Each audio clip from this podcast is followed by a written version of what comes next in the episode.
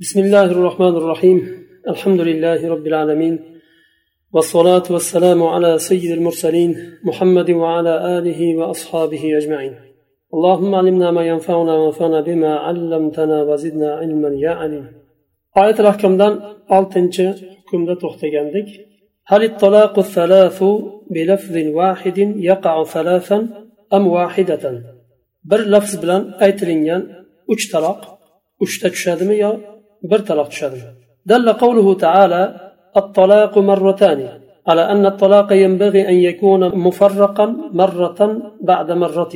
وقد اختلف العلماء في الطلاق الثلاث بلفظ واحد هل يقع ثلاثا أم واحدة?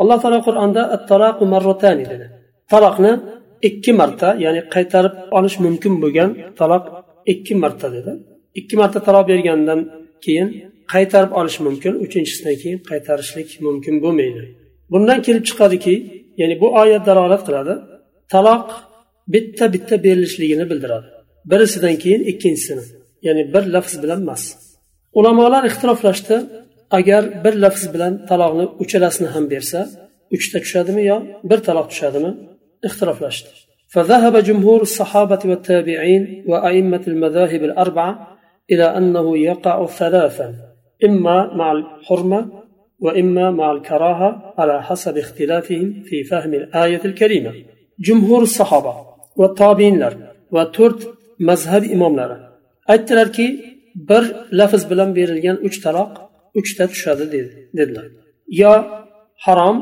yo karohat bilan tushadi ya'ni buni uchta taloqni bir lafz bilan berishlik yo harom yo makruh bir lafzda jamlashlik ba'zi olimlar harom degan bo'lsa ba'zi olimlar makruh degan chunki alloh taolo bitta bitta berishlikni irshod qildi ko'rsatdi agar bir lafz bilan beradigan bo'lsa shariatga xilof ish qilgan bo'ladi shu tarafdan harom yoyinki makruh deyiladi bu olimlarni ixtilofiga ko'ra oyatdan qanday fahmlagan bo'lsalar shunga ko'ra ixtiroflashilgan وذهب بعض أهل الظاهر إلى أن طلاق الثلاث في كلمة واحدة يقع واحدة وهو قول طاووس ومذهب الإمامية وقول ابن تيمية رحمه الله وبه أخذ بعض المتأخرين من الفقهاء دفعا للحرج عن الناس وتقليلا لحوادث الطلاق وفرارا من مفاسد التحليل.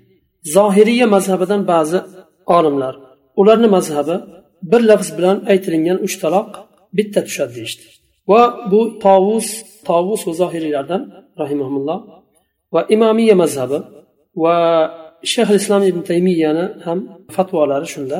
Agar uch taloqni bir lafz bilan beriladigan bo'lsa bitta taloq hisoblanadi deganlar va bu fatvoni mutaahhir fuqarolarni ba'zilari olgan. Nima uchun? Odamlardan harajni ko'tarishlik uchun daf qilishlik uchun va taloqni ozaytirishlik uchun. Chunki odamlar dindan uzoqlashib ketdi. Taloq o'yinchoq bo'lib qoldi. Taloqni bir lafz bilan uch taloqni berib yuboradiganlar ko'payib ketdi. Shuning uchun taloqni ozaytirishlik uchun va ajralib ketadigan oilalarni sonini ozaytirishlik uchun shu fatvoni olishdi. Va yana tahlilni fasodidan uzoqlashishlik uchun. Tahlil u halollashlik masalan uch taloq bergan bo'lsa uni halollashlik uchun boshqa bir erkakka vaqtinchalik nikohlab berib undan keyin taloq qildirib yana o'zini eriga qaytarib bu dinda harom qilingan. Hatto imom ahmad ibn hambal rahimaulloh mazhablarida bu tahlil nafaqat o'zi harom u ikkinchi erkakka nikohlab berilsa nikohi nikoh bo'lmaydi va taloq qilsa talog'i ham hisoblanmaydi o'zini eriga yana qaytarib nikohlansa u u nikohi ham nikoh hisoblanmaydi. Chunki u dinda yo'q shariatda muxolif bo'lgan narsa bo'lgani uchun hisoblanmaydi. Shu fasoddan qochishlik uchun uchta taloqni agar bir lafzda beriladigan bo'lsa bitta hisobladi ya'ni buni bitta hisoblarkan o'zlaridan chiqarib hisoblamadi. Bu narsa asli shariatda bor edi. Rasululloh sollallohu alayhi vasallamni zamonlarida abu bakr roziyallohu anhu xalifalik zamonlarida va umar ibn hattob roziyallohu anhuni xalifalik zamonlarida ikki yilgacha shu hukm bor edi. Undan keyin umar ibn hattob uchta taloqni bir lafzda berilsa uchta hisoblaganlar bu ba'zi olimlar aytishadi u kishini siyosati shar'iya bobidan shunday qilganlar دليل الجمهور استدل الجمهور على وقوع الطلاق الثلاثة في بما يلي جمهور دليل يعني جمهور uchta taloqni bir lafzda beradigan bo'lsa uchta hisoblanadi dedi dalilini keltiryapti أولا إن الله عز وجل جعل للطلاق حدا وأرشد الرجل إلى أن يطلق مرة بعد مرة وجعل له فسحة في الأمر حتى لا يضيع حقه في الرجعة. فإذا تعدى الإنسان هذه الرخصة وطلق ثلاثا وقع طلاقه لأن له عليها طلقتين وبالثالثة تبين منه. فإما أن يجمعها أو يفرقها. فالإسلام قد أرشده إلى ما هو الأفضل والأصلح.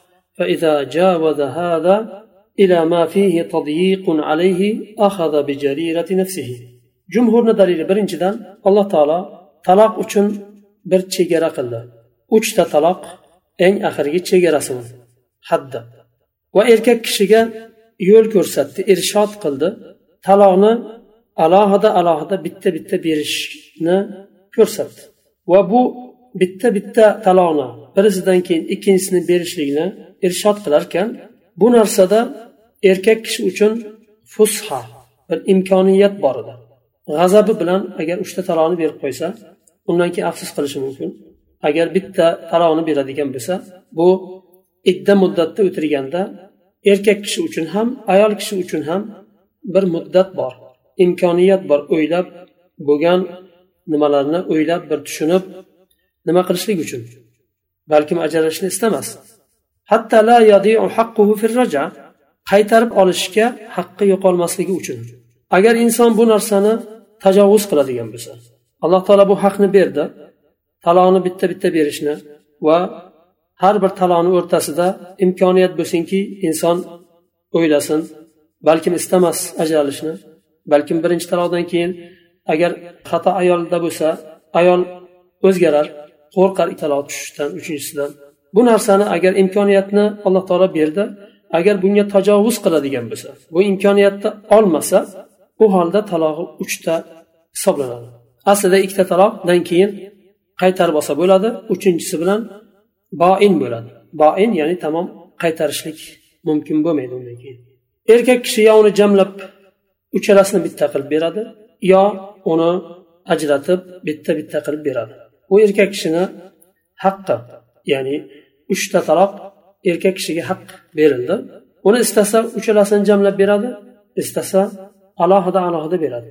Alloh taolo uni alohida alohida berishlikka yo'l ko'rsatdi irshod qildi. Va u afzal va salohiyatli bo'lgan alloh taolo yo'l ko'rsatdi. Ya'ni bitta bitta berishga. Agar inson shu narsani tajovuz qiladigan bo'lsa o'ziga o'zi tadyiq qilgan bo'ladi haqqini qisgan bo'ladi va mahrum qilgan bo'ladi shu haqdan bu jumhurni birinchi dalili ثانيا ما روي أن رجلا جاء إلى ابن عباس فقال له أنه طلق امرأته ثلاثا قال مجاهد فسكت ابن عباس حتى ظننت أنه رادها إليه ثم قال يطلق أحدكم فيركب الحموقة ثم يقول يا ابن عباس يا ابن عباس وإن الله تعالى يقول ومن يتق الله يجعل له مخرجا وإنك لم تتق الله فلم أجد لك مخرجا عصيت ربك وبانت منك امرأتك ikkinchi dalili ibn abbos roziyallohu anhuni yonlariga bir kishi keladida ayolni uchta taloq berganini aytadi ya'ni ibn abbosdan hukm fatvo istayapti mujohid roziyallohu anhu aytadilar tobinlardan ibn abbos roziyallohu anhu sukut saqladilar va mujohid rahimaulloh o'yladilarki ibn abbos roziyallohu anhu ayolni qaytarishga izn beradi deb o'yladim deydilar. Undan keyin ibn abbos aytadilar ya'ni sizlar ayollaringni taloq qilasizlar ahmoqlik qilasizlar. Ya'ni uchta taloqni bitta qilib berib. Undan keyin ey ibn abbos ey ibn abbos deysizlarmi kelib? Alloh taolo degan. Kim allohdan qo'rqsa olloh unga mahraj qiladi. Sen ollohdan qo'rqmading va men senga mahraj topolmadim. Robbingga osiy bo'lding va ayoling boin bo'ldi deydilar.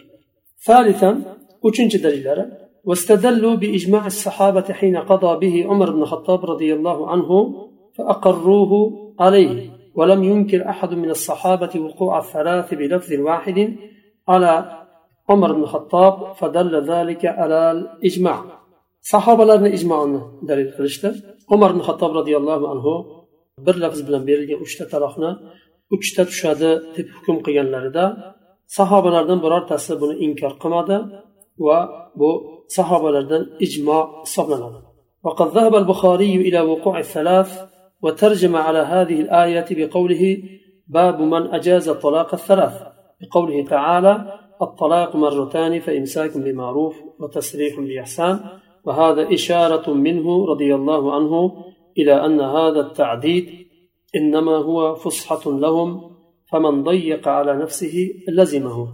إمام بخاري رحمه الله أشتد شد يقلر الطلاق مرتين فإمساك من معروف وتصريف بإحسان آياتنا دليل قلب وأكشهم بتعديدنا ya'ni birisidan keyin ikkinchisini berishligi ya'ni alohida alohida taloq berishlikni إنسان uchun ya'ni bir imkoniyat deb tafsir qilganlar va kim shu narsani o'ziga qiyinchilik tug'diradigan bo'lsa demak bu lozim bo'ladi hujjatul fariqu thani endi ikkinchi firqani hujjati واستدل القائلون بوقوع الطلاق الثلاث واحدة بما رواه أحمد ومسلم من حديث طاووس عن ابن عباس أنه قال كان الطلاق على عهد رسول الله صلى الله عليه وسلم وأبي بكر وسنتين من خلافة عمر طلاق الثلاث واحدة فقال عمر بن الخطاب إن الناس قد استعجلوا في أمر كانت لهم فيه أنات فلو أمضيناه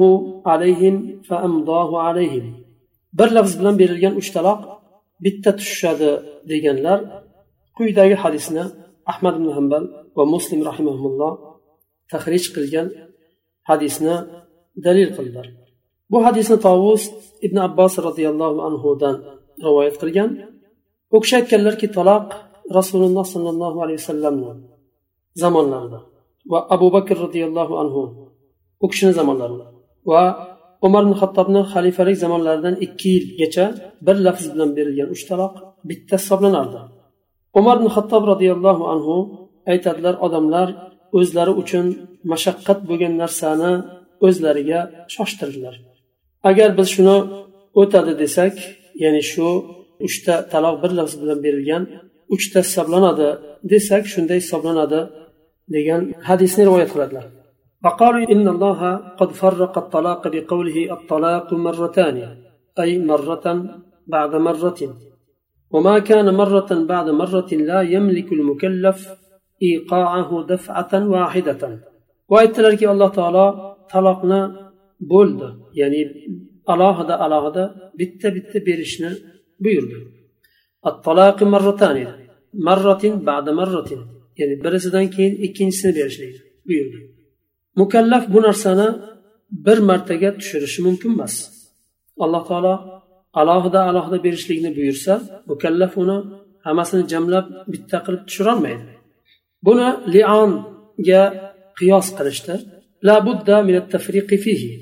la budda min at-tafriqi fihi lionda la'natlashlik u la'natlashlik masalan eri ayolni zino bilan tuhmat qiladigan bo'lsa ikkalasidan ham la'nat talab qilinadi undan keyin o'rtasi ajratiladi ولو قال أشهد بالله أربع شهادات إني لمن الصادقين كان مرة واحدة أجر الله تور مرة شاهد قلمان من صادق لردمن دسا بالتصبر ولو قال المقر بالزنا أنا أقر أربع مرات أني زنيت كان مرة واحدة.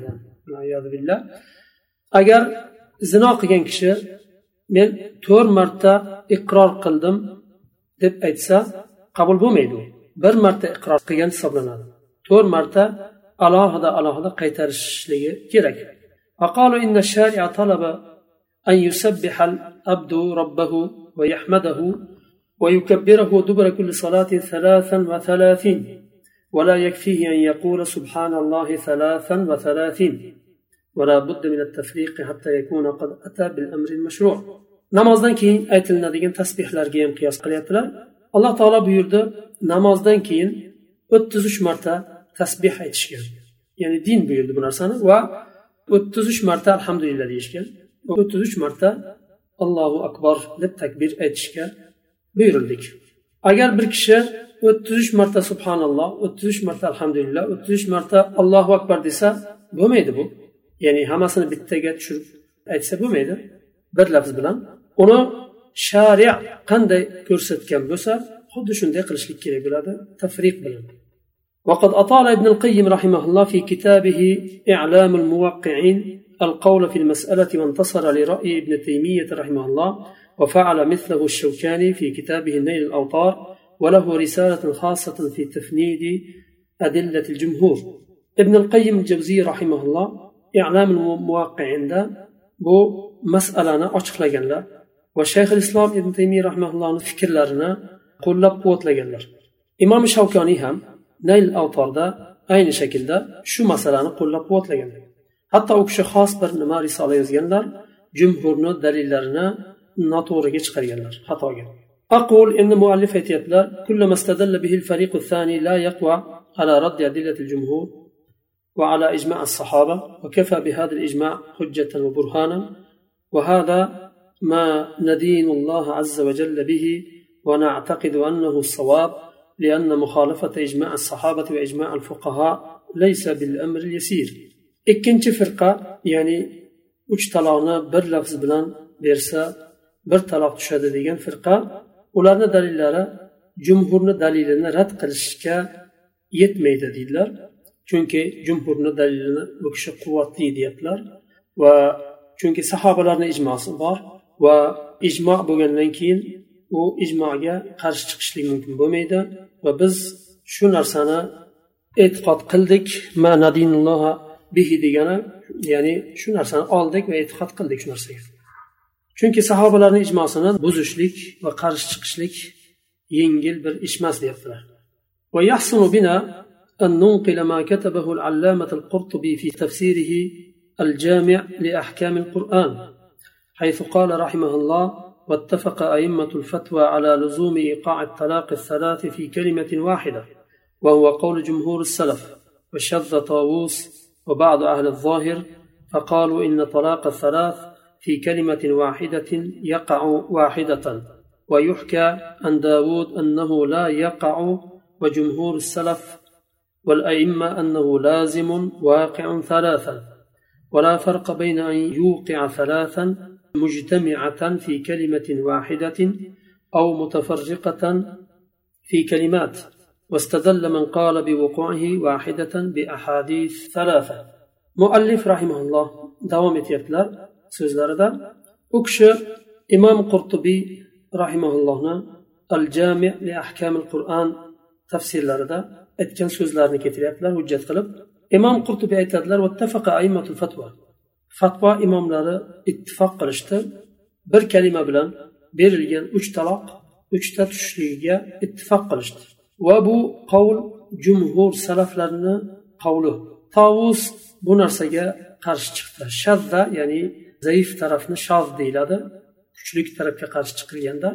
Va ba'zi zohiriy mazhabidagilar bu jumhurni fatvosiga qarshi chiqishdi. Ular aytishdiki bir kalima bilan berilgan uchta taloq bitta tushadi deyishdi. Hatto zohiriylardan davud zohiriy aytganlarki umuman taloq tushmaydi. Agar uch taloqni bir kalima bilan beriladigan bo'lsa taloq umuman tushmaydi degan. Chunki u muxolifatu sharia shariatga xilof yo'l bilan berilgan bidiiy taloq bo'lgani uchun umuman tushmaydi deganlar. Zohiriylarni ba'zilarini so'zi bu. Ammo salaflar va imomlar bu narsani uchta tushadi va lozim bo'ladi deganlar. Farqi yo uni bitta kalima bilan jamlab bersa ham yo alohida alohida bersa ham uchta tushadi deganlar. Bitta taloq tushadi deganlar quyidagi hadislarni dalil qilganlar. Ahaduhuma birinchisi حديث ابن عباس من رواية طاووس وأبي صهباء وأكرمة طاووس أبو صهباء وأكرمة رواية قرنين ابن عباس رضي الله abbos حديث anhuni hadislari birinchilari ikkinchisi حديث ابن عمر على رواية من روى أنه طلق امرأته ثلاثا وأن رسول الله صلى الله عليه وسلم أمره برجعتها واحتسبت واحدة. إكنش دليل الحديث لرى ibn umar roziyallohu anhuni ayollarni taloq berganlari hadis uni ba'zilari aytgan uchta taloq berganlarida rasululloh alayhi qaytartirganlar va bitta hisoblangan deganlar boshqalar uni uchta taloq bergan deyishmaydi ibn umar hayz vaqtida bitta taloq berganlar deyishadi shu hayz vaqtida berilgani uchun qaytartirganlar deyishadi وثالثها أن ركان تطلق امرأته ثلاثا فأمره رسول الله صلى الله عليه وسلم برجعتها والرجعة تقتضي وقوع واحدة ركان رضي الله عنه ayollarni uch taloq berganlarida rasululloh sollallohu alayhi vasallam qaytarishga buyurganlar qaytarishga buyurganliklari dalolat qiladiki demak bitta taloq tushgan والجواب عن الأحاديث ما ذكره الطحاوي عن سعيد بن جبير ومجاهد وعطاء في روايتهم عن ابن عباس في من طلق امرأته ثلاثا أنه قد عصى ربه وباتت منهم امرأته ولا ينكحها إلا بعد زواج وفيما رواه هؤلاء عن ابن عباس مما يوافق الجماعة ما يدل على وهن رواية طاووس وغيره وما كان ابن عباس ليخالف الصحابة إلى رأي نفسه. bu hadislarga javoban aytyaptilarki imom tahoviy zikr qilgan said ibn jubayrni mujohid va atoni rivoyatlarida ibn abbosdan rivoyat qilingan hadisda yuqorida o'tdi. Bir kishi kelib so'raganlarida u kishi javob berdilar. Bir lafz bilan uch taloq berib ibn abbos roziyallohu anhuni yonlariga kelganda u kishi javoblari shunday bo'ldiki robbizga osiy bo'ldingiz va ayolingiz boin bo'ldi. Va bu hukm bilan bu ayolga qaytib uylanolmaydi agar boshqa bir erga tegib chiqmasa. Ammo ular ya'ni ikkinchi firqa ibn abbosdan rivoyat qilgan hadislari ba'zilar aytishgan bu tovusni vahimasi ya'ni noto'g'ri tushungan noto'g'ri fahmlagan degan mazmunda. Chunki ibn abbos roziyallohu anhu sahobalarni fikriga qarshi chiqmasdi o'zini fikri bilan deganlar lekin qarshi chiqqan o'rinlari bo'lgan. Ibn abbosni qarshi chiqqan o'rinlari boshqa masalalarda meros masalalarida ham sahobalarni hammasiga qarshi chiqqan vaqtlari bo'lgan. U sahobalarda bo'lgan bu ahkomlarda ixtiroflashishlik bo'lgan bu hollar endi bu yerda muallif rahimalloh jumhurni fikrini qo'llab quvvatlayaptilar va o'sha qo'llab quvvatlaydigan imomlarni dalillarni keltiryaptilar. Lekin asli bu ikkinchi firqani ham asli bor. Chunki agar hukmni ba'zan maqosidi shariaga suyangan holda ham chiqariladi. Va boshqa dalillarga ham suyaniladi. Bu ham hozirgi vaqtda nima musulmonlar dindan uzoqlashib ketgan dinni umuman tushunmaydigan bir zamonda uch taloq qo'yadiganlar ko'payib ketgan. Hatto shahrislom ibn taymiya taloq bilan qasam beradiganlarni taloq tushmaydi deganlar. Masalan qasam ichadiki man shuni qilmadim agar yolg'on aytsam xotinim taloq bo'lsin degan holatlar ko'paygan u kishini zamonlarida. O'sha vaqtda shayx islom rahmaulloh bu narsa qasamga kiradi taloq tushmaydi deganlar chunki agar tushadi deyilsa ummatda taloq bo'lmagan oila salkam qolmaydi o'sha tarafdan shayxul islom rahimaulloh uni taloq emas balki u qasamga kiradi deganlar قال ابن عبد البر رواية طاووس وهم وغلط لم يعرج عليها أحد من فقهاء الأمصار بالحجاز والشام والعراق والمشرق والمغرب ابن عبد البر الله aytganlar tovusni rivoyati xato deganlar vahm deganlar va bu dalilga fuqarolardan birortasi hijozda ham shomda ham iroqda ham mashriqda ham mag'ribda ham bu dalilga suyanmaganlar deganlar قال الباجي فإن حمل حديث ابن عباس على ما يتأول فيه من لا يعبه بقوله فقد رجع ابن عباس إلى قول الجماعة وانعقد به الإجماع ودليلنا من جهة القياس أن هذا طلاق أوقعه من يملكه فوجب أن يلزمه إمام باجي يتكلم ابن عباس رضي الله عنه حديث لنا ular tavil qilgan hukmga yuklashlik e'tiborsiz dedilar ya'ni ularni so'zlarini e'tiborga olmadilar u kishi chunki ibn abbos roziyallohu anhu sahobalarni so'ziga qaytdilar va u kishini qaytishlari bilan ijmo hosil bo'ldi va qiyos jihatidan dalilimiz shuki bu taloqni bergan kishi erkak taloqni u kishini ixtiyoriga berilgan narsa edi istasa jamlab beradi istasa bo'lib beradi agar jamlab beradigan bo'lsa u uchalasi ham tushadi dedilar وأما حديث ابن عمر أنه طلق امرأته ثلاثا وهي حائض إلى آخره فقد رده الدار قطني وقال رواته كلهم من الشيعة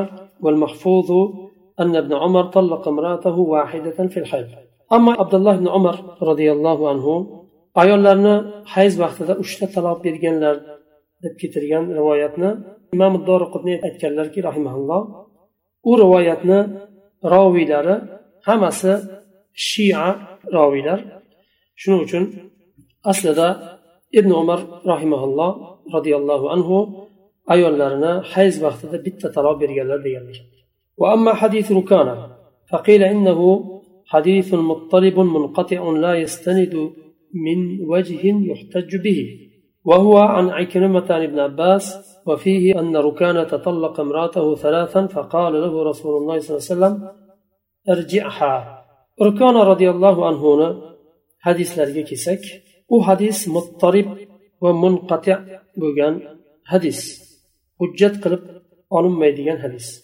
ya'ni muttarib ham munqati bo'ladigan bo'lsa hadis zaif bo'ladi va unga suyanib bo'lmaydi akirima roziyallohu anhuni rivoyatlari ibn abbosdan u kishi aytganlarki rukona roziyallohu anhu ayollarini uch taloq berganlarida rasululloh sollallohu alayhi vasallam qaytaring deganlar والثابت أن ركانة طلق امرأته البتة فاستحلفه رسول الله صلى الله عليه وسلم ما أراد بها فحلف ما أراد إلا واحدة فردها إليه صابت بوغان حديث شكي ركان رضي الله عنه أيال لرنا اشترى berganlarida rasululloh sollallohu alayhi vasallam qasam ichtirdilar nimani iroda qildingiz uchta taloq deyishlikdan murodingiz uchta edimi yo bitta edimi deb so'raganlarida u kishi bitta taloqni qasd qildim deb qasam ichadilar undan keyin rasululloh alayhi vasallam qaytaradilar فهذا اضطراب في الاسم والفعل ولا يحتج بشيء من مثل هذا. بو اضطراب مضطرب بكيان حديث. برني تخل متن بلن كيان.